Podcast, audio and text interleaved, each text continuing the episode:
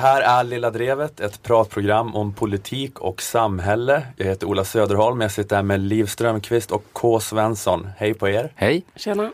Vi befinner oss i Stockholm, en av de mest spännande och nattklubbstäta städerna i ABC-området. Vi är här uppe och spelar in den här veckan. Ja, just det. Sitter i Aftonbladets egna poddstudio. Mysig. Precis. Ja, ja. Ja, det jag, jag ljög. Men man kan ge lyssnarna den resan. Ja, men de hade en liten, liten lucka här som de lät oss komma i. Vi får skynda oss och riva av ett drev här innan Markus Larsson och Kristin Lundell kommer in. Och, De stora elefanterna. ja, Vad är, vad är det för podd de har? Larsson och Lundell. Jaha. de snackar väl om Mad Men och sånt. kan jag tänka mig. Att man får gåshud av Emmylou Harris röst kanske. Sluta innan vi somnar Ola och så gå vidare med det här programmet.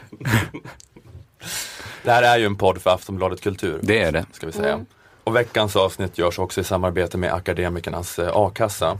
Det var Agendas stora partiledardebatt i söndags. Mm.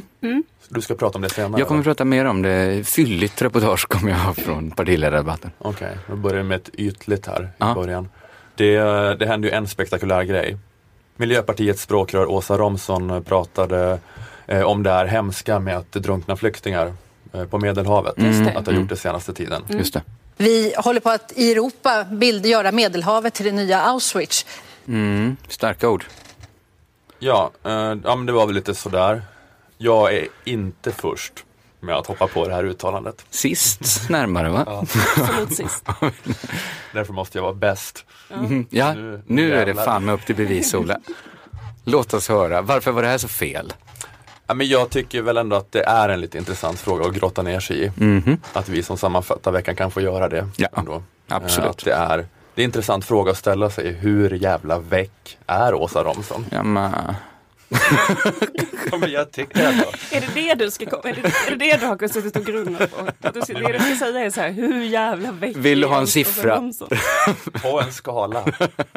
Det är min nya input i, den här, i det här drevet. Hon är så väck. Um, ja, men jag tycker ändå att det är Hon träffar högt på Lambertskalan. Jag tycker ändå att det är eh, djupt fascinerande. Att, att, att en människa som har ägnat hela sitt vuxna liv åt att öva på att prata politiska Mm. inte uppfattat laddningen i ordet Auschwitz. Och inte heller kunnat lära sig exakt hur det uttalas, utan säga Auschwitz. Och jag tyckte, ljudet på fel plats. precis, och jag tyckte också att det kändes inte så här flugigt när hon sa det. Att det, jag tyckte det kändes skrivet. Förberett. Det är ju självklart någon som Alltså det, är ju, det gör det hela inte Alltså huvuden måste ju rulla på Miljöpartiets kontor. Någon packar just eh, ner alla sina saker i en brun låda. Ja men det kändes något just som, nu ner huvuden i en blå låda. ja, men det var ju något som var, Och är det inte Åsa Romsons så är jag besviken. de hade, ja, men det kändes som att det var något som var framplockat i samröre med en talepunktsskrivare. Mm. Att det var inte någon så här att hon pressades i stundens hetta. Det Nej. fanns ingen sån press, här, att de satte henne på pottan. Använd en historisk liknelse för att beskriva flyktingdöden på Medelhavet nu! Bara, Äh, "Ah, äh, äh, Auschwitz, fan också. fan. Ehm, nej men just det då att ha övat på att prata politiskt och inte förstå laddningen, att det är bara något man slänger sig med. Auschwitz hit och, och dit. Mm. Att, att hon är som ett barn som svär på engelska. Har den känslan för språkets nyanser Ja, just det. tänker jag. Ja men som ni sa, det, det kändes som en förberedd retorisk grej. Mm.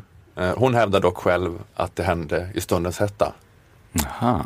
Det var, ett, det var en, ett kraftuttryck som kom i stunden så det var nog inte den mest lämpliga formuleringen. Men det, var, det var, kom från hjärtat. Mm.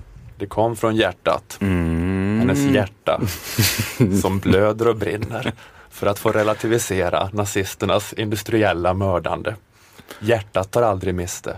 Aldrig, aldrig tar hjärtat miste. Är det Knausgård du citerar nu så fint? För hjärtat är livet enkelt. Det bara slår. Och relativiserar nazisternas industriella mördande. Den här Knausgård-runken måste ta slut någon gång. Tycker att det, hjärtat tycker att det kan användas som synonym för alla hemskheter. Nazisternas industriella mördande. Ja, ja, det, det är inte en klockren liknelse och det var hon ju medveten om. Göran Greider gick ut och förlät henne idag på Twitter. Han sa, hon, har bett om, hon gjorde fel men har bett om ursäkt. Jag, hunden och tusen maskrosor förlåter henne. Skrev han? Han talar för varenda maskros där ute. Ja, men han är en kristen människa. Eh, ja. Vi kan säga att det här som jag spelade upp var Romsons första försök att be om ursäkt. Som inte var så lyckat. Nej. Efter ytterligare två, tre försök dagen efter så fick hon ju till det ganska bra. Hon höll på att ramla runt där och säga att det var hemskt det Hitler gjorde mot zigenarna. Ja. Och så blev det en ny spin. Och Hon folk- var redo för att folk säga bara- det var hemskt vad Hitler gjorde mot tattarna, bögjävlarna, kroknäsorna. Nästa försök var... Jobbade sig uppåt från det. Dåliga timmar för Romson ja. Mm. Ja, det var så jävla rolig rubrik på Aftonbladet efter debatten. Så är det på, högst upp på deras eh, första sida står det Romson backar inte från, eller? Romson står fast vid sitt naziuttalande. Så bild på Romson. Alltså- det, är ju, det är ju en orättvis rubrik men det är ändå så jobbigt att kvällen slutar så. Det var ju inte så här det skulle bli. Nej, det skulle innan debatten. Att nästa dags rubrik skulle bli Rom som står fast vid sitt naziuttalande. Vad är det som har gått fel här? Du har gjort ett naziuttalande så har du klabbrat dig fast vid det så att knogarna vitnar. Men visst, tror ni det finns någon Jobbig tvåstegsraket. liten chans att hon trodde att hon gjorde en Palme jultalet 72 grej där han faktiskt också jämförde med eh, Treblinka i alla fall. Alltså att hon tänkte manegen är krattad. Det är så man gör för att få till en riktig jävla tjottablängare. Ja. Just det, just det. Eh, det, det skulle faktiskt kunna vara så. Mm. För Palme fick ju kritik av samma anledning. Alltså Palme sa väl ändå inte så här, liksom Vietnamkriget är det nya Treblinka. Nej, utan det här, är vi har också ett ställe historiska exempel, vi har detta, vi har detta, vi har detta. där våldet har triumferat. Ja, där, där, där sånt där. platser blir förknippade med handlingar också. När man Ja. ser namnet på en plats så tänker man på ett övergrepp. Guernica. Och männen säger medel, Medelhavet. Från och med nu kommer ingen längre tänka på paraplydrinkar, tjocka tanter, Ayia Napa. snygga eh, greker. Britter som tagit så mycket ecstasy att de inte kan känna glädje längre. Ehm, mm. Eh, Nej, men så det- Skriptvåldtäkter på eh, sådär skolresor. Utan, nu bara tråkigheter. Men jag tycker att vi ignorerar hennes påstående att det här skedde i stunden. För Okej. Jag och ni också verkar ha en känsla av att det var planerat. Mm. Och då vill man försöka förstå hur hon då och Miljöpartiets talepunktsskrivare tänkte. Liksom, alltså hur fan kan det vara vår tids Auschwitz? För jag tänker att vår tids Auschwitz borde väl snarare i så fall vara det de på Medelhavet har flytt ifrån. Mm. Alltså kanske typ krig i Libyen eller Syrien eller Nigeria eller whatever. Eh, vilket ju också kanske hade klassats som en smaklös liknelse om man gjort det. För att det är så här en nivåskillnad då i hemskhet mellan Auschwitz och krig. Men det är i alla fall pyttelite närmare någon rimlighet i jämförelse. Ja, ja, ja. Att, Då har det varit på Palmenivå tycker jag. att vår tids Auschwitz är ju hemskheten, inte den riskabla flykten från hemskheten. Och om Romson tycker att Medelhavet är vår tids Auschwitz, alltså då måste hon ju rimligen tycka att 40-talets Auschwitz, det var inte Auschwitz. Utan Auschwitz var flykt från Auschwitz. Ja. Alltså restriktiv asylpolitik mot människor som riskerades att skickas till Auschwitz. Det var Auschwitz. Alltså att Sverige knappt tog emot några judiska flyktingar förrän halvvägs in i andra världskriget.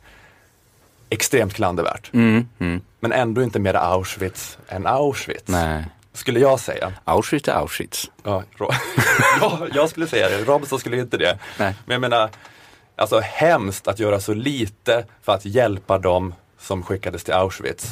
Skäms på er som gjorde så lite för att rädda människor under förintelsen. Men faktiskt skäms ännu mer på er som utförde förintelsen. Jag tycker att man måste kunna se, så här, se en gradskillnad mellan de här Jo, två jo. Felen. Absolut. Eh, Men nu när vi har förstått det här om Romson, eh, att hon då ans hon anser inte att hemskheten är hemskheten, utan flykten från hemskheten är hemskheten, då är ju inte liknelsen lika farlig. Nej. För man kan säkert jämföra själva flykten. Mm, mm. Eh, och det är ju liksom, alltså det som hände på Medelhavet är vår tids Sveriges agerande 1936 till 1943. Det Ja, var, det. då, det var det Romson menade med ja, det Auschwitz. skulle hon sagt. Och det, och det är ju inte farligt. Oturligt nog för Romson är ju inte det den gängse definitionen av Auschwitz. Att det är Nej, Sveriges nej, agerande det är det ju inte. 1936 Nej. 1943. Men i alla fall, Det är så här, så här jag rentvår Romsen. Bra. Ja, för jag tycker också det får inte förlora alla proportioner. Nej. Hon sa lite fel. Mm. Det får man göra. Jag säger som Greider och tusen maskrosor där ute. Du är förlåten. Greider tusen maskrosor och K. Svensson och Greiders hund. Greiders hund också, så vi är 1004 på, på Romson-sidan. Mm. Och, 1003. och min eh, deduktion här, eller vad det heter. Just det, Mm. så fyra. Din 1004. såsreduktion. Din såsreduktion. Såsreduktion. Deduktion. Där satt den Jag tycker vet jag. Är vi Heter inte, heter igång? inte logisk deduktion? Det heter såsreduktion, Ola. Det heter såsreduktion. Det blir så här crazy humor på slutet. Jag är lite full. Mm. Ehm, ja, Bra. men vad snällt av dig att göra det här. Ja, Ja, jag Tolka tänker dem som. Eh, att även eh, de värsta, värsta förbrytarna Men vad måste hade- få en försvarsadvokat. Absolut. Även Åsa Romson den här veckan. absolut. Men vad hade hon för förklaring till att hon sa zigenare? För det vi- Trötthet. Jaha. Alltså, men ja. Det är kortare att säga rom. Så jag tycker det liksom låter dumt att säga så här. Jag tog det här jättelånga ordet. Åsa Zienarsson. Längre än Åsa Romson. Snyggt! Det är Ja, den toppar såsreduktion tycker jag faktiskt.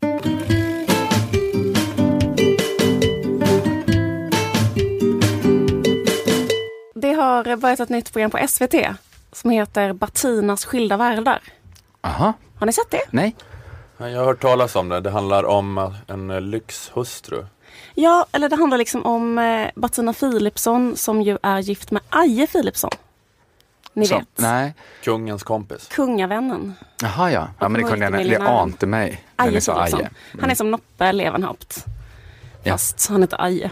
Fast en annan farbror. Fast en annan farbror. Men tänk, tänk på Noppe så har du Aje.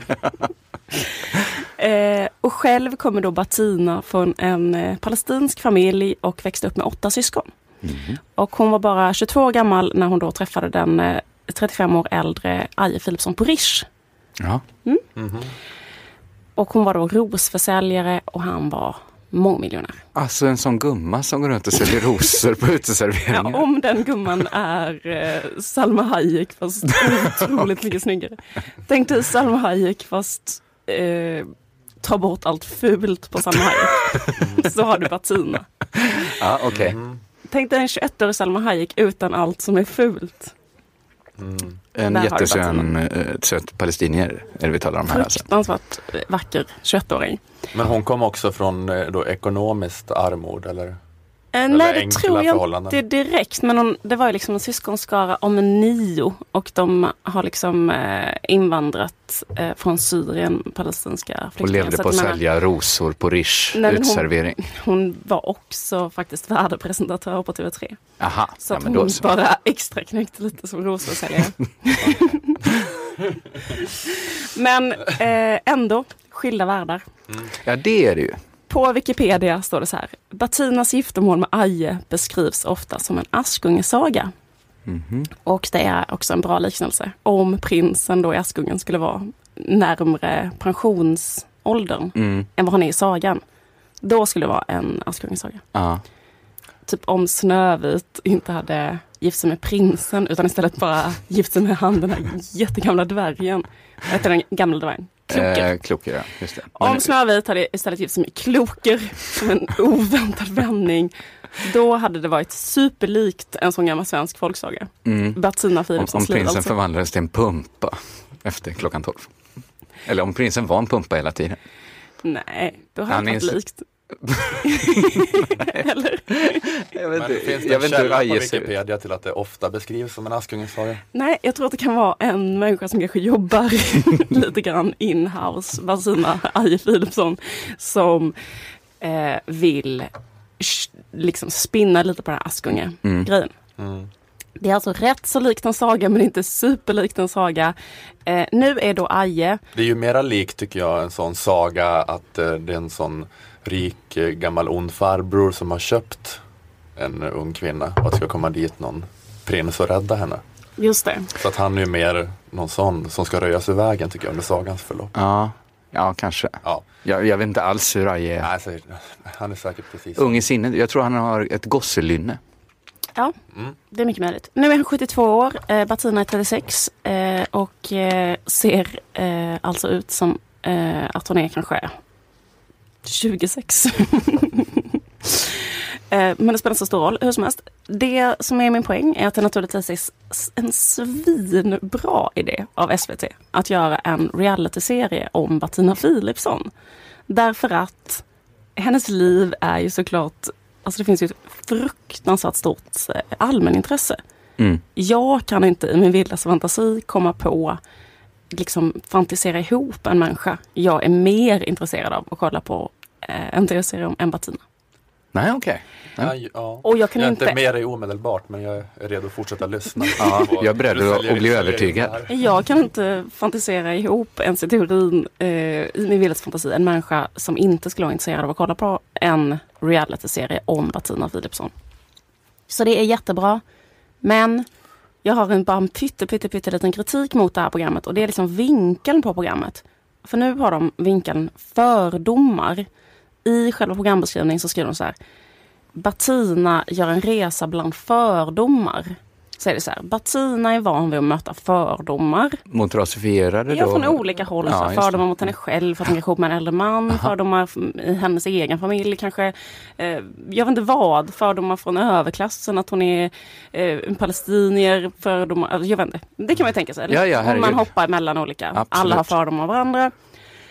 Eh, och det vet hon säkert jättemycket om. Och, eh, och då är tanken då att hon ska så här, åka runt bland olika samhällsklasser och vara så här. Åhå, har ni fördomar? Eh, stämmer fördomarna? Eh, var fördomarna fel? Så är programidén. Fördomar. Ja, jag tänker i alla fall att eh, det är ett dåligt tema. För det finns ju ett, eh, finns en annan sak som liksom är eh, mega intressant med Bettina Philipsson. Det som är det verkligt intressanta och som hon säkert vet allt om och som därför borde vara självklart borde vara hela temat för programmet. Och det är eh, surhet. Ska jag förklara. Ja, Alltså alla människor som har haft ett förhållande med en annan person längre än, säg tre veckor, vet att surhet liksom är en så supercentral del i alla längre romantiska förbindelser. Det här behöver inte jag berätta för er. nej. Att surhet är en sån valuta som man kan hålla på med. Alltså en person kan använda sig av valutan sur för att få makt över den andra personen. Den måste, genom att, vad ska man säga, bemästra förmågan att sura kan man dominera väldigt mycket i en relation. Varför man Ehm. tvingar den andra att den andra håller på och försöker vara en glad gamäng och kämpa för att få upp stämningen hela tiden. Ja, precis. Det bästa är ju alltså inte att vara sur för en anledning eller något man kan reda upp. Det är bara för amatörer. Man måste vara så här odefinierat sur. Sur på ett sätt som inte går liksom, så att den andra blir så här, börjar liksom trippa på tå och känna så här, ja, ja, är det något jag har gjort? Är det fel? Är det fel på mig? Finns det något liksom så? Och så kanske man frågar också så, är det något jag har gjort? Och så säger den andra så här, va? Vad menar du? Nej, det är ingenting. Och så bara, ja, du bara verkar sur. Nej, jag är inte sur Jag fan inte sur. stirra ut genom fönstret och säga jag är inte sur. Vadå, Jag vad blir menar du? sur när du håller på så här. Då, då Exakt, blir jag sur. Eh, är supersur, säger jag är inte sur. Alla känner till det här. Ja. Eller bara går inte och fräser och muttrar på något sånt jobbigt sätt. Så här, pyser ut någon form av aggressivitet som inte, så att den andra måste liksom eh, curla och liksom känna in och arbeta med den här surheten. Eh, en sak man kan göra själv om ens partner är sur, det är att själv vara ännu surare och försöka liksom bygga upp en sån terrorbalans av surhet. Vad är det här för Eh. relationspodd? Ja, det är bara tips Ja. som kan funka. Eh, men ganska ofta så är det liksom en i förhållandet som är bättre på att vara sur. Som liksom kan hålla i surheten på ett bättre sätt. Eh, bemästra surhetens kraft. Eh, och den andra tvingas då hålla på och liksom konstra för att domptera sin partners surhet. Ja. I alla vanliga förhållanden så är ju den här surhetsgrejen en, en grej som liksom har en naturlig yttre gräns. F- för det är att man kan inte hålla på att använda det här den här surhets, att sura och dominera med genom sin surhet. Man kan inte hålla på hur länge som helst för man kan alltid bli liksom dumpad om man är för jävla sur. Ja. Men det som är så fruktansvärt intressant och det som gör Ajes och Batinas relation så himla speciell, det är att de lever liksom i en situation där den naturliga gränsen för surhet inte existerar. För att Aje Philipsson är ju då en miljardärsarvinge och Bettina är en hemmafru utan inkomst. Hon jobbar inte, hon bara bor där, har gjort det i 17 Ja, år ja. eller sånt där. Och sen läste jag också, efter att ha googlat lite, att de har ett äktenskapsförord. Så att ifall de skiljer sig så får hon noll kronor. Vi har alltså en situation som enligt min teori skulle ge Aje ett frikort där han har en möjlighet till att vara gränslöst sur. Ja, alltså det, Gränslöst sur. surhetskapitalet korrelerar perfekt med det ekonomiska kapitalet. Är Ja. det det du... Ja. Han har Grä- gränslö- möjligheten... Gränslöst svinning på alla sätt han kan välja vara. Sur, hysteriskt glad på ett obehagligt sätt kan det vara också. Skrik, vakna, väcka på natten Väcka henne med att skjuta champagnekorkar i ansiktet på henne. Ja. Varför är du så sur? Fri, frikort att göra allt. Med, med, sina, med alla sina pengar har han inte bara möjlighet att liksom köpa allt här i världen utan också möjlighet att köpa sig själv att vara inifrån och ut som en citron. Sur som en riktigt gammal citron. Ehm, men är det så? Har jag verkligen rätt? Ja, häng med så kollar vi lite vad som händer i eh, tv-serien då Batinas skilda världar. Eh, Aje är faktiskt bara med väldigt, väldigt lite i den här serien. Han är bara med några sekunder. Så vi ska lyssna på en situation när vi kommer in i avsnittet så är det att Batina är nervös för att hon ska medverka i tv-programmet Skavlan och frågar då Aje, kan du följa med och sitta i publiken? Du, jag är faktiskt lite nervös för det här med Skavlan. Eh, skulle inte du kunna komma och sitta i publiken och... och Nej. Ja, men, lugn, jag har inte pratat klart än. Nej. Får aldrig den stöd jag behöver. Där har du honom i ett nötskal. Ja, lite små, lite burket så. Purken pensionär. Men eh, det här var ju bara ett, exempel. Vi kan höra lite när Batina bara berättar själv om hur det är att leva med Aje. Jag är så kritisk på något sätt, vilket jag tycker är bra. För att jag tycker att man ska vara kräsen, man ska, man ska tycka till, man ska säga till när någonting inte är tillräckligt bra. För då kan man alltid finslipa på det. Men samtidigt, jag menar, man är ju den man är och det kan säkert hoppa grodor i munnen på mig. Men det är ju jag på något sätt och då får man ju ta det. Lite ledsamt bara. Men har, har de flera barn? Ja, de har tre barn. Ja, ja. Vi kan lyssna på en sekvens till när faktiskt barnen är med. Och det är när Batina precis ska gå ut genom dörren med sina barn för att de medverkar i Skavlan och ber då Aje att önska henne lycka till. Kan man kanske få lite lyckönskningar? Tycker du inte pappa kan lyckönska mig lite? Så. Okej. Och stel. eh, prata inte för mycket nu. Sten som en sten. Du är stel som en sten. Ja, jag älskar dig också. Du är stel som en sten, säger barnet. Otroligt träffande ja. beskrivningar hur Aje Hans är. tips var prata inte för mycket. Pratar inte för mycket. Han bara går fram som en eh, eh, robot. Nej men jag vet inte. Jag bara tänkte att det kanske skulle vara ett mer en sån intressant vinkel. Därför att jag tänker att Batina kanske är så här den människan på jorden som är bäst på att liksom domptera gubbsurhet. Och eftersom jag tänker att det är en sån grej som förekommer eh, så kanske hela programmet skulle kunna liksom bara heta det istället. Eftersom Aje då är med, han är med väldigt lite, men ändå är så ogenerat Ja. och öppet sur. Istället för kärlekskoden kan vi heta så här surhetskoden. Jag köpte min surhet för pengar. Någon annan fanns inte att få. Ja. Och sen så är Batina en sån Yoda i så vita kläder som har blivit en någon slags maestro i att eh, bemästra en misslynt miljardär. En sur senior. En Men purken Bemästrar de verkligen surheten eller har de bara vant sig vid att det är så här livet ska vara nu? Hon säger Jag så här, jag hon- älskar dig också.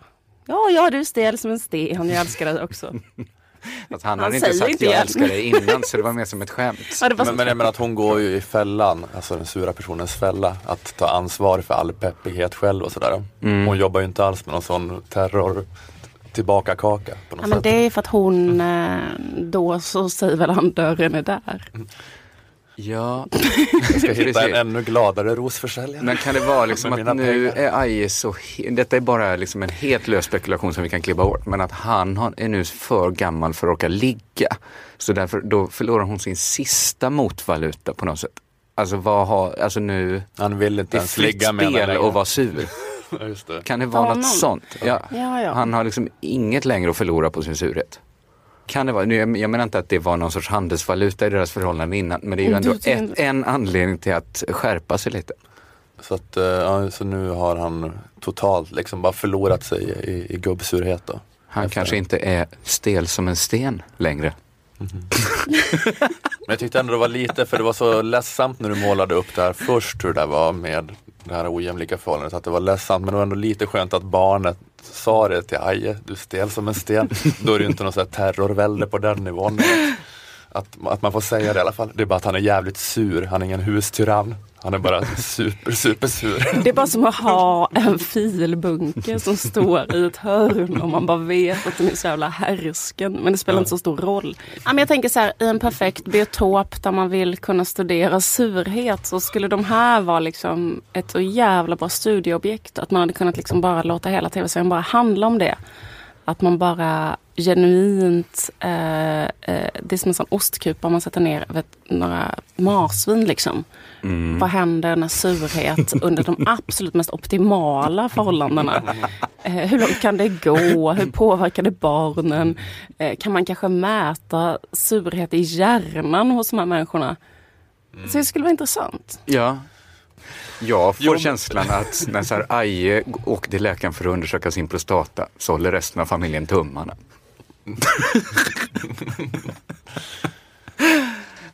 Men jag menar, det är inte så ovanligt, eller alla är ju sura i sina kärnfamiljer. Alla går och muttrar. Jo, jo, men om alla muttrar då finns ju ändå någon sorts eh, Ja, surhetsbalans. Ja, jo, men det är sant. Det här är ju en väldig obalans. Ja, Ja, men det så- är ändå så- så- intressant. så att när hon man- är så himla osur. Men alltså det är också en jättevanlig dynamik. Att en får rollen av att vara en kvittrande fågel och den andra får vara stel som en sten. Det är det jag menar att jag tror att det liksom är allmänmänskligt och på det viset är någonting public service borde ägna sig åt. Och det gör de Ja lyckligtvis. det gör de men de kunde ha det mer, de borde, he, det borde inte heta Bettinas skilda värld, det borde heta så här Bettinas eh, sura gubbe. Batina och sura gubben. Det är eh, inte kloker utan det är butter. Just det, Vi ska Just det. återkoppla till dvärggrejen. en riktigt gammal butter. Bra! Bra. En Askungesaga fast med butter. Okej, Nu, bara, ja, nu går vi vidare. dvärgarna är inte med i Askungen va? Bara skjuter jag in här.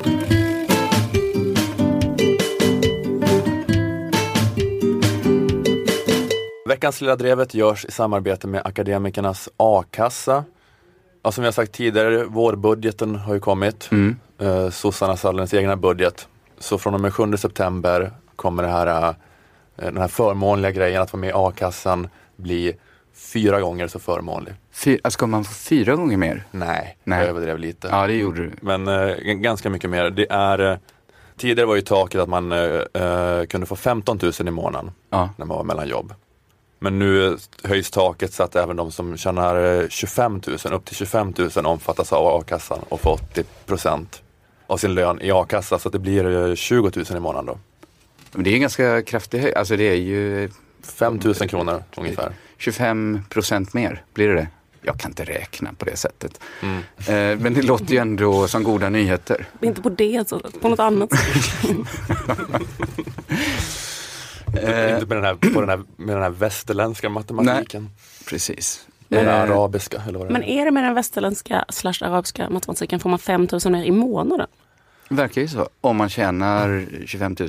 Alltså taket höjs från 18 700 till 25 000. Förr var det bara de som tjänar upp till 18 Vänta, 700. 18, du sa 15 000 innan? Ja, jo men alltså det om man har Alltså den högsta lönen man kunde ha förut och ändå få 80% av den var 18 700. Aha. Vilket blev ungefär 15 000. Ja, ja, ja, ja. Eh, Men nu är då taket uppe på 25 000 Och då blir det 20 000. ja, från och med eh, 7 september. Men det priset för att vara med är ändå detsamma. Det är bara 90 kronor i månaden att vara med just akademikernas a-kassa. Eh, goda nyheter för det gör ju världen, eh, eller Sverige i alla fall, tryggare. Mm. Läs mer på aea.se E om hur man gör för att gå med. Eh, och om du tar steget att gå med i Akademikernas eller någon annan a-kassa tack vare den här podden. Skriv gärna det i din ansökan till a-kassan eller berätta om det i sociala medier under hashtag Lilla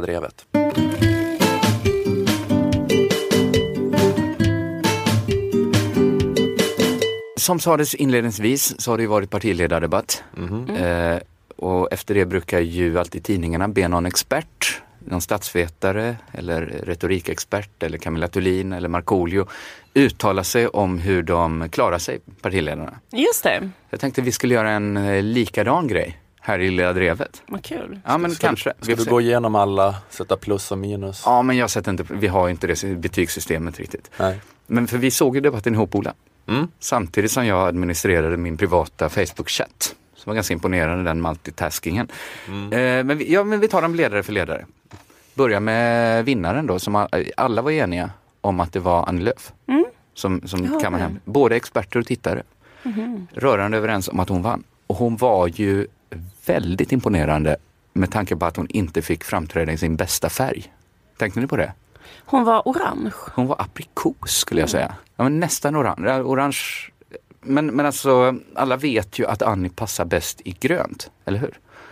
Och min tes är att nu när Åsa Romson kom i grönt så bytte Annie snabbt till aprikos, eh, som är lite svårburet till orange hår. Men att det säger en del om Åsa Romsons popularitet. Att man avstår gärna sin bästa färg för att inte på minsta sätt förknippas med Åsa Romson. Det, det, det tyckte jag var intressantast man i Löf, att det var så tydligt. Men Att de valde en missklädsam färg för att inte vara det minsta som Åsa Romson. de har så jävla mycket möjlighet nu att hålla på och färgkoordinera och så. Eftersom det är tre kvinnor i Alliansen. Nu var det ju en eh, man här som Ebba Busch Thor Mm. födde ett barn under tiden. Precis. Rom- Hashtag baby Bush Tour. Är det så? Mm. Hon la upp en eh, bild på Twitter så nu kom den här eh, Och hon kravaten. själv? Ja, så lanserade hon hashtaggen då. Gud Hashtag baby vilket Bush Tour. unket Niklas Svensson-beteende.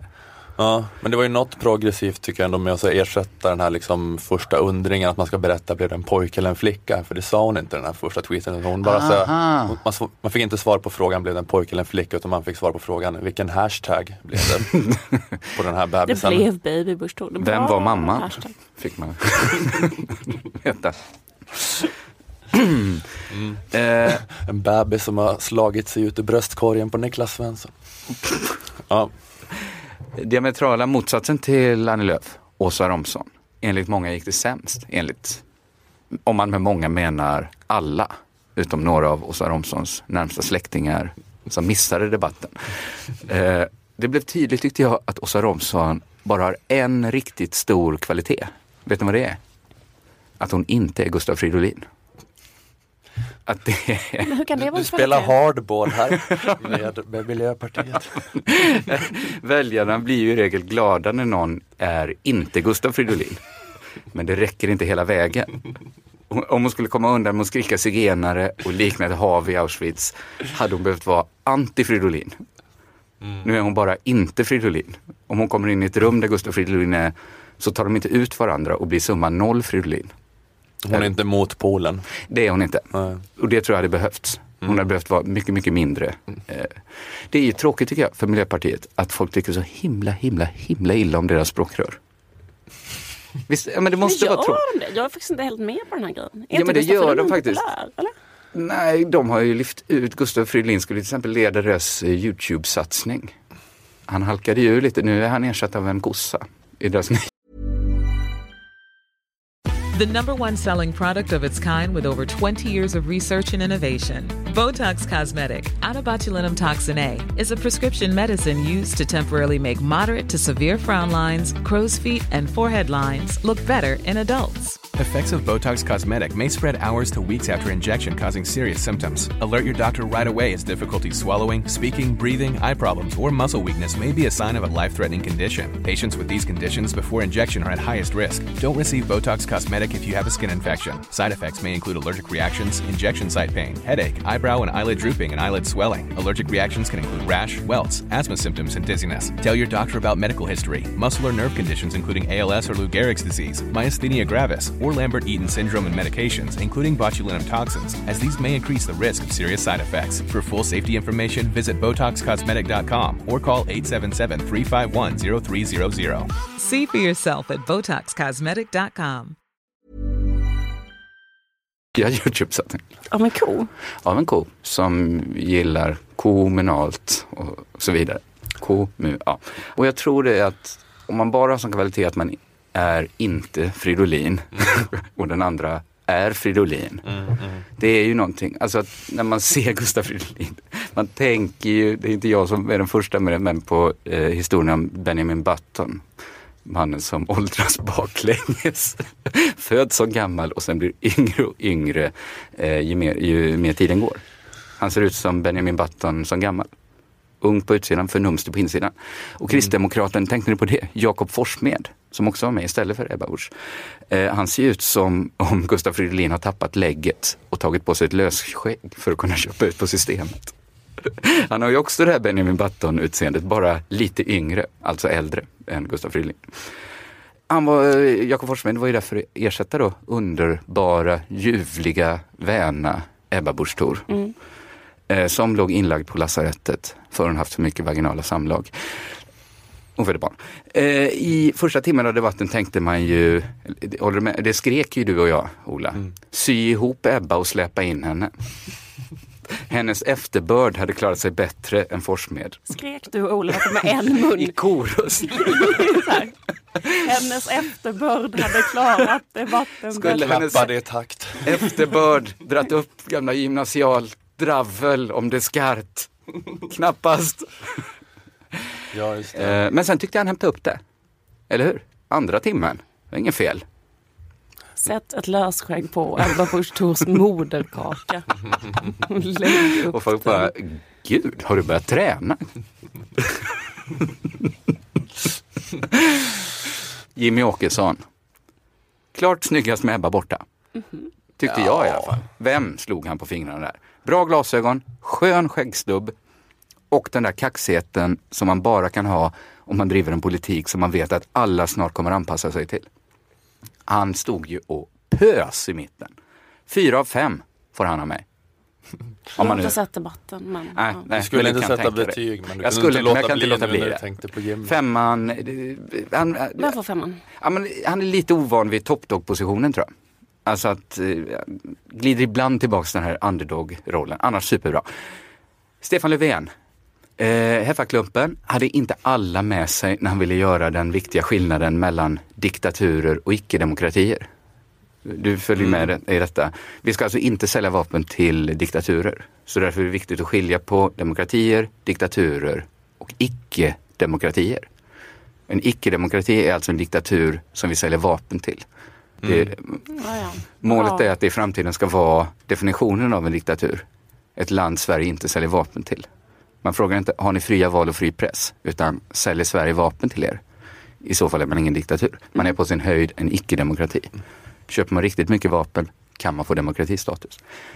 Anna Kinberg Batra. Gud vad tyst! Vilken tyst människa! Det var det tystaste jag hört. Jag trodde att hennes utmärkande drag var att hon var lång och hade ett ovanligt lågt hårfäste. Hennes hårfäste är ju lika nära havsytan som Jan Björklunds. Trots att hon är en meter och 20 centimeter längre. Hade hon inte varit så lång hade hennes hårfäste släpat i marken. Det är därför hon har så långa ben. Men hennes grej är inte detta. Hennes grej är att hon äter ljud och släpper ut tystnad. Hon är som någon hemul i Mumindalen. Knytten, rädda för Ebba Busch Thor. Nej, för, för Anna Kinberg Anna Batra. Kinberg Batra.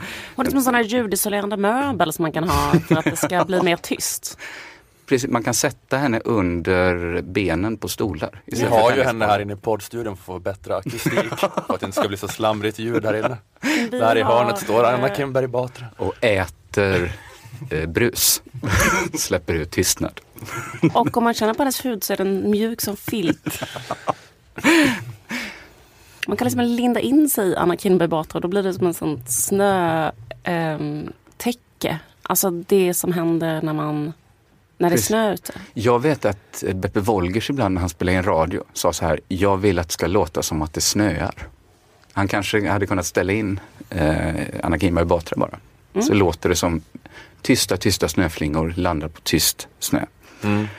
Att leva med Anna Kinberg Batra det är som att vakna upp där i Mumindalen när det är, ingen är vaken, när det bara är snö och man går ut och man bara Skit i Att leva det. med Anna Kinberg Batra ska vara som att springa över en sommaräng utan att det låter det allra, allra minsta. Att leva med Anna Kinberg Batra det är som att springa upp en sommaräng om man är döv. Nej, men hon var väldigt Ja. tyst. Sa hon någonting? Hon nickade lite åt Annie Lööf. Det var lite som att eh, Annie leder alliansen nu fick jag en känsla av.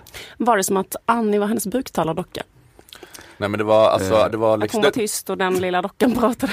de gjorde en reenactment av Ingmar Bergmans persona och eh, Anna Kinberg Batra var då Liv Ullmann och Annie Lööf var Bibi Andersson. Annie bara prata och prata och prata. Annie bara, en dag när Karl-Henrik hade åkt in till stan så var jag alldeles ensam på stranden. Hade jag kunnat säga tystnaden också. Karl-Henrik hade. Och för ibland så tog jag, ibland tog bara Annie liksom, Anna Kinberg Batra tog händerna om hennes kinder. Så, och förlåt mig att jag är så dum på mig, jag bara pratar och pratar och pratar.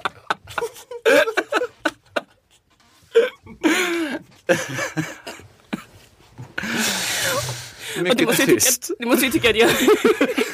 Du måste ju tycka att jag... Du måste bli så riktigt uttråkad mig. Du måste tycka att jag är en riktig liten dumsnut som bara, Så kolossalt uttråkad. som bara talar och talar. Nej usch! Om vi skulle gå och göra lite kaffe.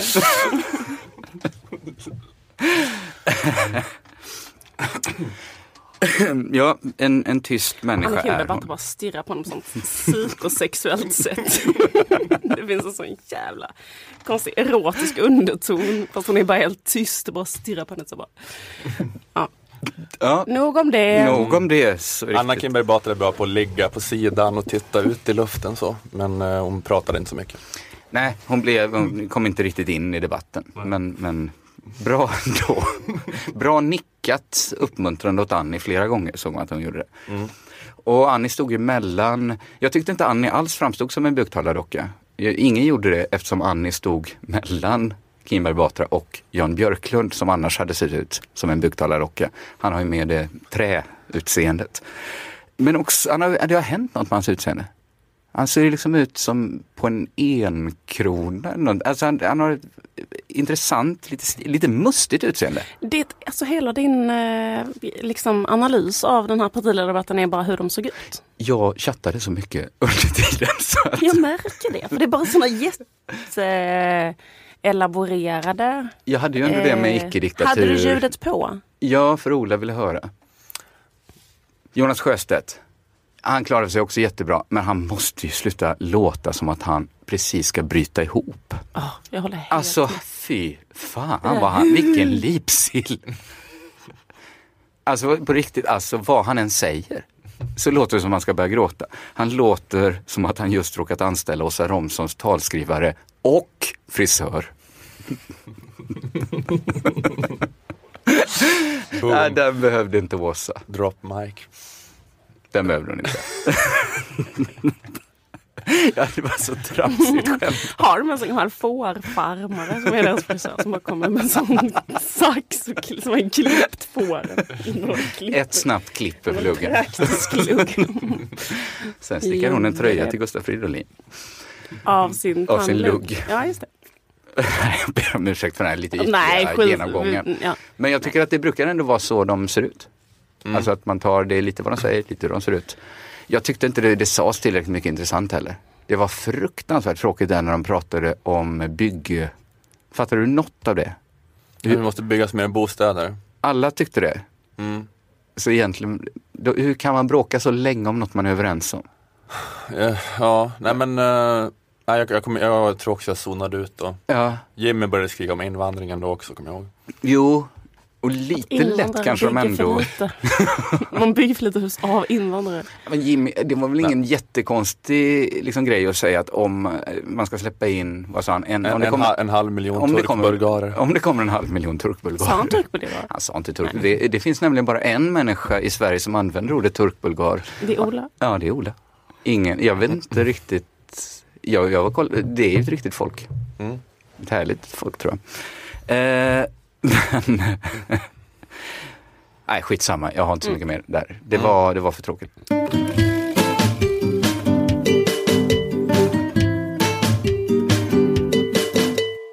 Jag pratade förra veckan om sociologen Roland Paulsen. Jo, tack. Att, eh, jag pratade om att jag vill att hans idéer om arbetskritik eh, ska så här, prövas av ekonomer och statsvetare. Folk har frågat mig om han har gjort något mot dig medan ni pluggar. Jag blev lite nyfiken faktiskt. Ha, gjorde han någonting mot henne? Eller Ja, var det bara att han var bättre än dig? Ja, det var det. Mycket kan jag tolerera.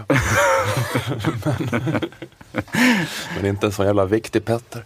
Jag ska Nej. sitta där och, och skriva så bra hemtentor. Satt du och snusade och kastade snus i taket och irriterade på att Roland Paulsson hade gjort läxan?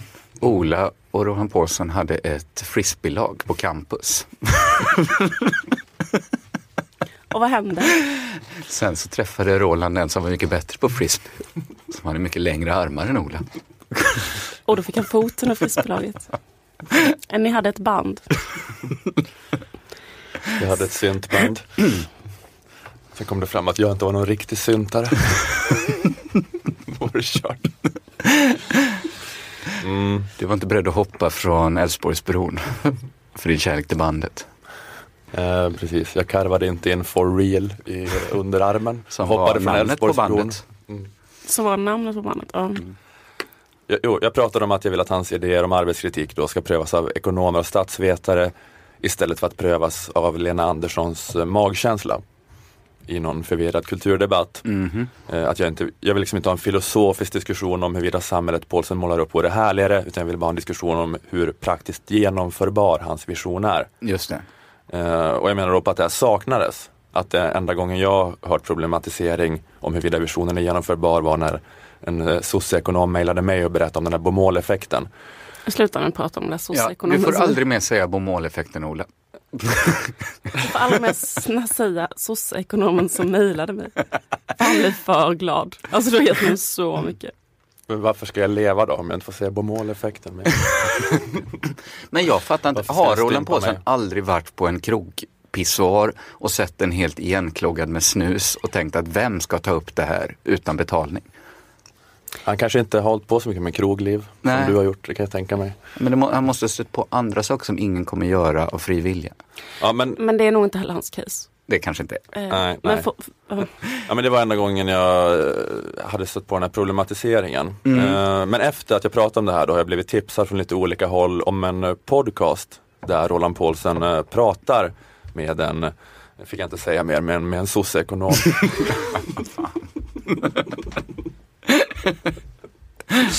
Jag kan inte komma på någon synonym till det ordet. Eller kanske inte, jag vet inte om man är sossa eller någon slags vänsterstämplad ekonom i alla fall. Eh, Sandro Scocco. Det är då vänstertankesmedjan Arena Idés podd Pengar och politik. Som jag blivit tipsad om. Eh, och eh, Sandro Scocco är chefsekonom för Arena Idé. De pratade inte om, fick jag inte säga mer, men bomåleffekten. De pratade inte om det. Men de pratar om något annat. Ja. Ja, men det är ju så här att den då, bomåleffekten förklarar ju väl bara Nej men de, eh, de pratade egentligen mera, eh, inte om det, alltså det är ju något som kanske så här, att bomåleffekten slår hål på liksom den värsta så här, eller de största glädjekalkylerna. Men egentligen så handlar det här med att vi inte har kunnat hålla på med arbetstidsförkortning, handlar ju rätt mycket det menar i alla fall Sandro Scocco då, att det handlar rätt mycket om att vi inte har gjort mer som Thomas Piketty säger. Att kapitalet har roffat åt sig så jävla mycket. Att mellan 1945 och 1980 så var det liksom jättemycket arbetstidsförkortning och ökad ledighet i västvärlden. Eh, för att då hade man en sån jämnare inkomstfördelning. Men nu sedan 1980 har då så här tillväxten inte tillfallit medelklassen eller inte tillfallit de fattigaste 99 procenten i princip, utan det var det här eh, top 1 procent. Kapitalet har blivit större, liksom de, de rika kapitalägarna och medelklassen har konsumerat med lånade pengar och bla bla bla. Så att om man hade en mera sån eh, Thomas Piketty-politik istället för Milton Friedman-politik så skulle den här arbetstidsförkortningen fortsätta. Eh, skitsamma, det var ändå inte det jag skulle prata om. Eh, grejen var att eh, jag ville ha en, ehm, jag sa att jag inte ville ha en filosofisk diskussion om det arbetsfria samhället. Mm. Lyssnade de på dig? Jag ville bara ha en diskussion om dess praktiska genomförbarhet. Men jag ångrade mig när jag hörde den här podden. Ah, Att jag vill ha den här filosofiska diskussionen då. Aha. För Sandro Scocco hade ett så bra, mer filosofiskt inlägg Okej. om, om, eh, om det, om arbetskritiken. Ekonomen som jag trodde skulle vara bättre på det praktiska var bättre på det andliga än de här skönandarna på kultursidorna. Scocco svarar så här på frågan om man blir olycklig eller lycklig av att vara utan lönearbete. Jag, jag tror att det finns ett antal människor som har en talang och begåvning att faktiskt klara av att eh, förbruka all tid själva. Va? Men de är oftast oerhört kreativa och duktiga på detta. Va?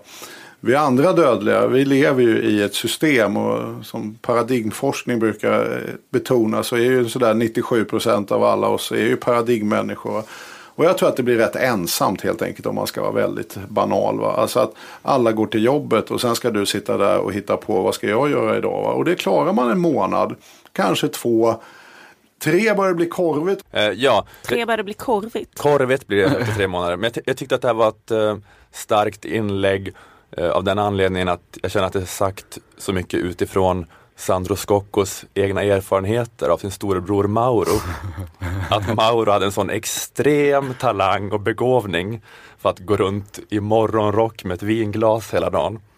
Och så sitta och plinka på pianot och waila i timmar.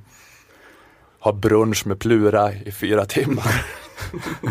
så här. Utan att få ångest liksom. Utan att det känns korvigt. Nej, precis. Bara s- gå spontant köpa en motorcykel och bara köra söderut Mm. mot Toscana. Att, eh, att han var en sån extrem sån eh, livskonstnär. Ja, Och så har Sandro tänkt att jag ska också vara så här. Jag ska också leva som storebrorsan. Gick bra en månad, kanske, två. Sen efter tre månader, vad händer då? jag blir tokig. Ja, jag blir helt korvigt. jävla, blir korvig. Jag känner mig så jävla ensam på den här motorcykeln bara. Mm, fortfarande inte i Italien. Spelar till de ensamma på högsta volym. Ja men precis, jag menar, man blir bara helt galen. Jag måste ha strukturer. Mm. Jag måste ha ramar. Eh, men ja, Så därför säger jag att han pratar om det här med viss pondus. men han menar att det är fallet för 97 procent av befolkningen att de inte kan vara eh, lediga. De är paradigmmänniskor. Jag kan vara ledig, det vill jag fan med Men, säga. nej, men vi tillhör ju någon sån slags fria arbetare. Vi tillhör väl kanske de här tre procenten då. Att vi inte har något sånt Men jobb. har han inte hört talas om bara så här, hyra en lokal med några andra? Alltså man behöver inte sitta själv. Det är väl inte det som är meningen. Man kan väl göra något med någon annan. Jag skulle inte heller bara vilja sitta i min lägenhet i ett Nej. år ensam. Det är mer som att ha fotboja. Det känns ju korvigt efter tre månader. Jo men jag menar ni har ju ändå att man har den här eh, kreativiteten. Att ni har det att fylla, dem, fylla det med. Det är det han menar att de flesta inte Netflix. har. Du skulle också kunna fylla det med Netflix. Ja, men nu är ju, mitt jobb är ju roligare än Netflix. Alltså delar av dygnet i alla fall är det ju roligare att hålla på med det. Så jag skulle nog ändå jobba lite ja. Men det kanske är så att det ändå, han pratar om paradigmmänniskor som inte hade kunnat börja eh, rita en serie eller att de inte hade haft någon sån drivkraft och då bara, bara hållit på med Netflix och blivit galna. Jag, jag vet inte. Ja, nej men det är väl jag menar. Mm. Handlar Marskockos låt till de ensamma om Sandro Skockos försök att vara ledig i fyra månader och skriva en roman istället för att jobba som ekonom på arenan?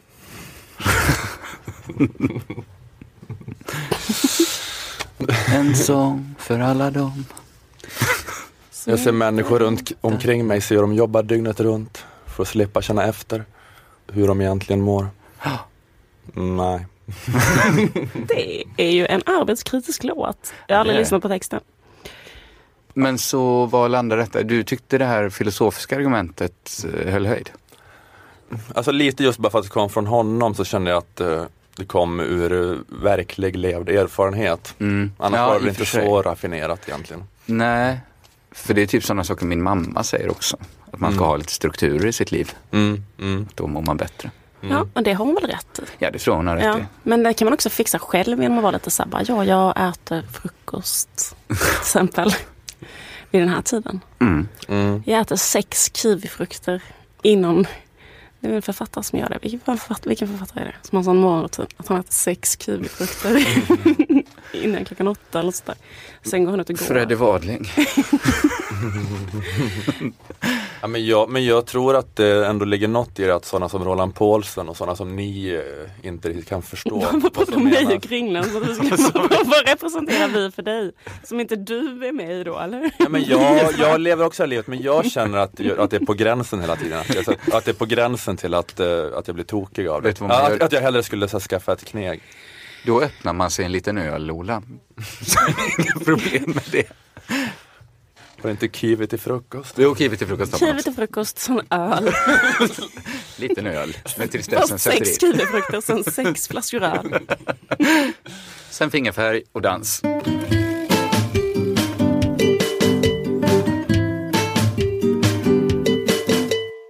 Tories vann valet i Storbritannien. Kul för dem. Så jävla oväntat. Aha. Därför att stämningen var, var ni med på det här att alla var så här, det är så jävla jämnt det här valet, vem ska vinna? Labour kan lika gärna vinna och så. Ja. Och Tories har ju redan suttit eh, liksom vid, eh, i regering, David Cameron har redan varit eh, premiärminister.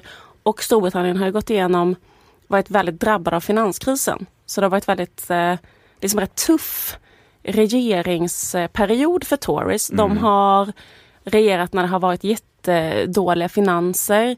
De har varit tvungna att liksom genomföra massa jätteimpopulära så här, eh, åt, bantningsåtgärder, bla bla bla. Labour har stått för eh, liksom en lite annan politik, eh, gått mycket mer till vänster än vad de har gjort innan och det har liksom den allmänna liksom, opinionsmätare och så ansåg ju att den här vänster vänstersvängen från Labour hade väldigt stort liksom, folkligt stöd. Mhm. Och- Opinionsmätningarna har aldrig slagit så fel. Nej. Typ som det var en vecka innan valet och sen hur det blev. Exakt. Hur kunde det gå så dåligt för Ed Miliband? Eh, Jag hörde på eh, Katrin Marsall som är en expert på eh, politik i Storbritannien. Tidigare Kielos. Just det, tidigare Kielos. Eh, och Hon, det var några veckor innan valet så medverkade hon i Agenda och då sa hon så här om hur det kunde gå så hur kan Ed Miliband vara så, eh, hur kan han vara så impopulär trots sitt liksom, potentiellt folkliga budskap? Han har haft svårt att, ehm, att nå ut. Ehm, han ehm, blir inte så bra på bild, vilket tidningarna gillar att göra en väldigt stor sak av. Det är, han eh, äter en baconmacka och ser liksom dregla lite och den bilden hamnar på alla tidningsomslag. ehm, eh, i, flera veckor och så vidare. Och så vidare. Eh, och han har inte lyckats, eh, ja det är lätt att skylla på media naturligtvis, men han har inte lyckats eh, förrän nu i valrörelsen ge en annan bild av sig själv.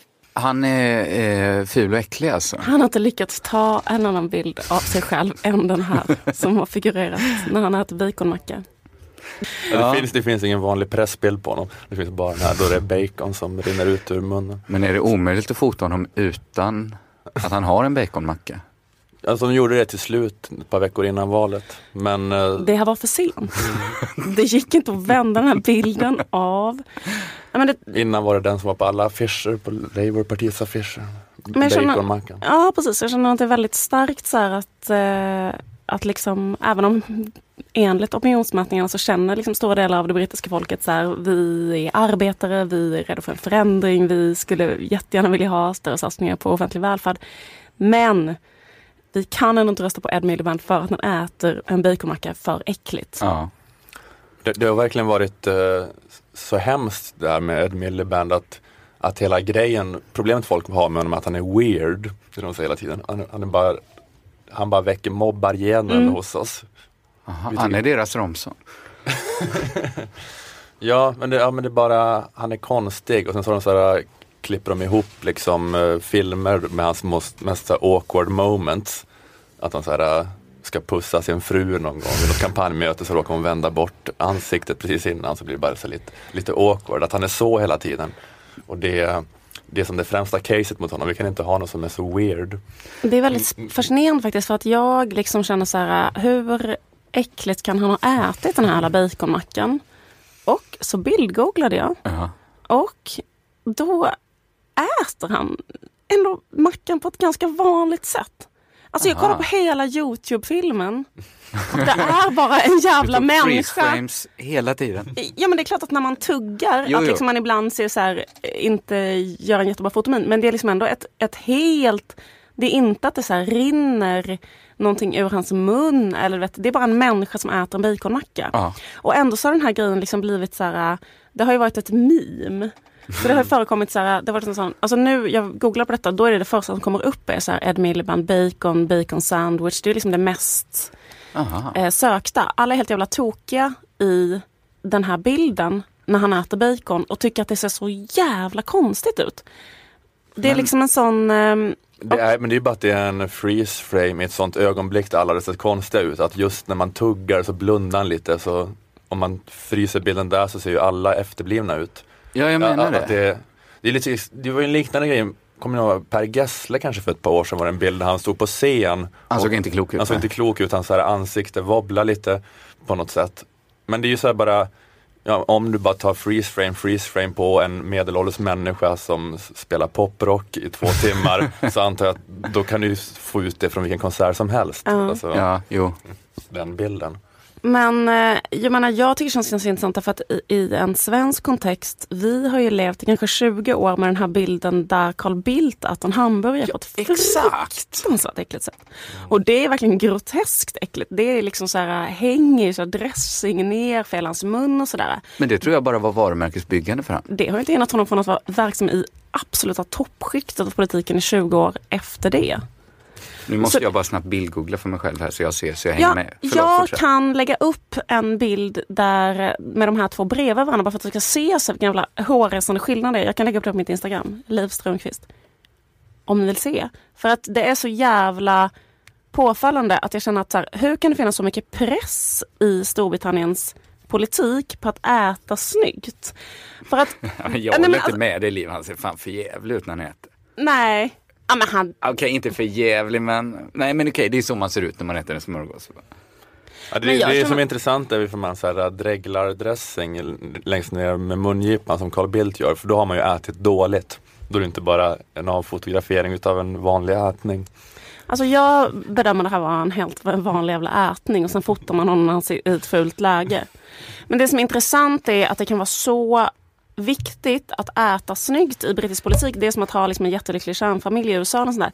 För sen, alltså, de hade ju den här bilden på omslaget till The Sun och ägnade hela omslaget till att liksom håna honom. Den här bilden har varit ett meme. Det är liksom en jättestor, eh, en enorm kampanj Mm. angående att han har ätit så fult. Sen finns det en motkampanj som heter som har varit hashtaggen Je suis Ed.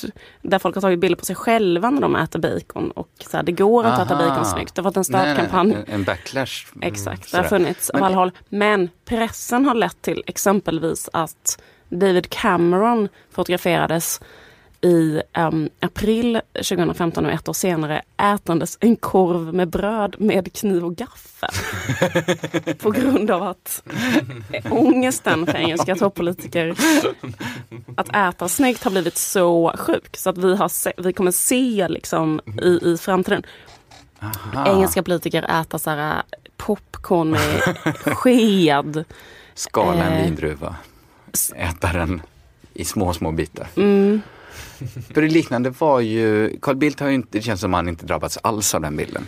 Nej, jag känner så här, Men ja, däremot, däremot när Göran Persson st- liksom snattade lösgodis, det, då fanns det liksom inte bara liksom brottet stjäla godis utan också att det var lite, lite äckligt. Att han liksom inte, tjockisen kunde inte hålla sig från att liksom plocka med fingrarna och äta direkt ur skålarna. Alltså att han drabbades ju värre än Carl Bildt som typ åt med hela ansiktet. Det, jag tror det liksom vad- vad- förstärker... det förstärker Carl Bildts varumärke sa du, på att som en människa som är hungrig på livet. Nej, men jobbar i inte. Carl Bildt jättemycket så? När han sa så här, jag visste inte att Sverige kom trea i fotbolls-VM. Sa han kanske så här, när alla visste att de hade gjort det. Då var det inte så här, din jävla idiot, utan bara aha, för han, han, han har läst så mycket böcker istället. Men du menar så här, han vet inte hur man äter en hamburgare. Han brukar inte gå och äta hamburgare. Det så här när han är äter det första och enda bara gången han... gapar han jättestort och bara trycker in hela. För han har... Han vet inte bättre. Han åt den på högkant. Han visste inte. Mer... ja, men jag tror faktiskt att det sa något om hur sällan Carl Bildt äter en Han hamburgare. har, han har aldrig tagit in, han eh, håller på och läser böcker och är på möten och flyger flygplan och, och läser rapporter så mycket så att han har liksom aldrig tagit in näring på något annat sätt- än via dropp förut. Det var första gången, han- första gången han åt. Han Tänkte- trodde tänkte först man, att det var, vad, vad är det här för ett kladdigt stolpiller? nej, nej, eh, Carl, det är, du, du tar den eh, oralt. bara kände så här, De bilderna, han försöker. Han försöker men jag är kände de mig liksom så någonstans? här, Bildt för upp en Big Mac i det. Väntar på att det ska smälta. Men jag kände liksom när jag hörde det här jävla gnället om att Ed Miliband skulle ätit så jävla äckligt att man är redo att offra så här, hela Labours politik för att man inte står ut. Då kände jag så här, vad är det, sådana jävla ilandsproblem vi har levt. Då kände jag mig så som jag kan tänka mig att människor som bor i Nepal efter jordbävningen känner sig när de läser ett reportage om att det är snö i Stockholms innerstad och sånt där. Man bara så här, här lever vi, här sitter vi med politiker som bara slafsar i sig någon skit. Och ni ska liksom klaga på att bara en helt vanlig människa bara tuggar. Typ. Carl Bildt beställer en tratt till, till sin hamburgare. Han bara, En hamburgare och en lavemangsspruta, tack. han får en Och hamburgare. Han får sin hamburgare på en tallrik och då äter han tallriken också. Han bara, vilket torrt bröd! Carl! Han äter upp hela den där papptallriken som är, och så säger han, ja den var god men brödet var lite torrt. Med ketchup slank den ner.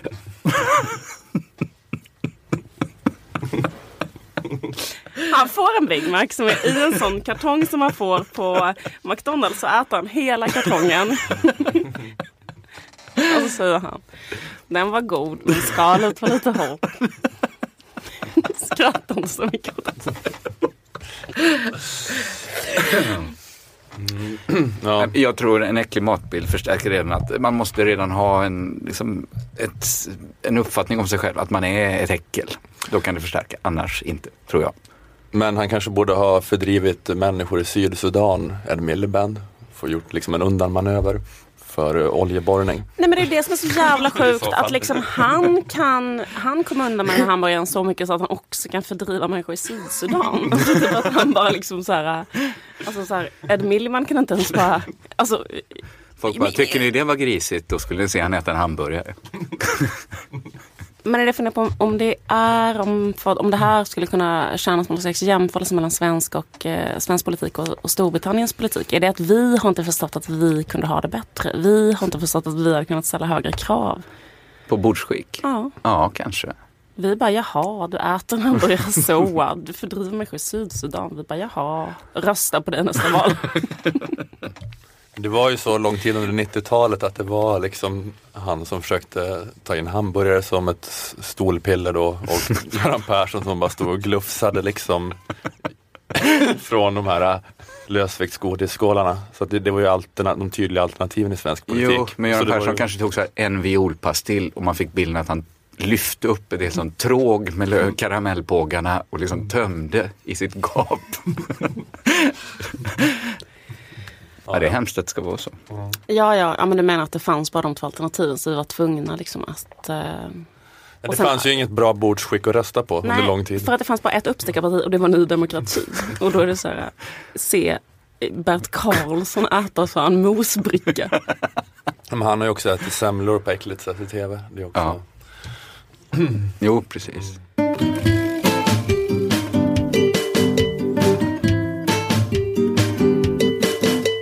Är det något vi behöver säga? Jag tror inte det. Jag kan säga att det, den 20 maj kommer det vara en roast av Emma Knyckare på Tangopalatset. Åh, Eh, vad köp jobbigt. gärna biljetter. Åh, vad jobbigt. Ja, men det är jobbigt för dig för att du måste skriva ett manus. Precis. Men för, För lyssnarna publiken- räcker det att köpa en biljett på biletto.se snedstreck roast. Just det. Åh, Ja, men det vad jobbigt att behöva köpa en biljett. jag kan berätta att Men för jag... dig, du får komma in ändå Liv. Så du behöver inte oroa dig för detta. Lyssnarna får göra det lilla jobbet att gå in på snedstreck roast. Jag kan berätta att jag har gjort en bok med min andra podd, min konkurrerande podd. Mm. Eh, Syst, nej, heter- inte systerpodd. Konkurrerande podd. eh, Ja, ja, precis. Eller systerpodd kan man säga också. Kära Liv och Caroline heter den. Kan man köpa. Finns i handel nu. Bra. Eh, ni kan eh, gilla oss på Facebook, hashtag Lilla Drevet. Vi hörs om en vecka. Hej då. Hej då.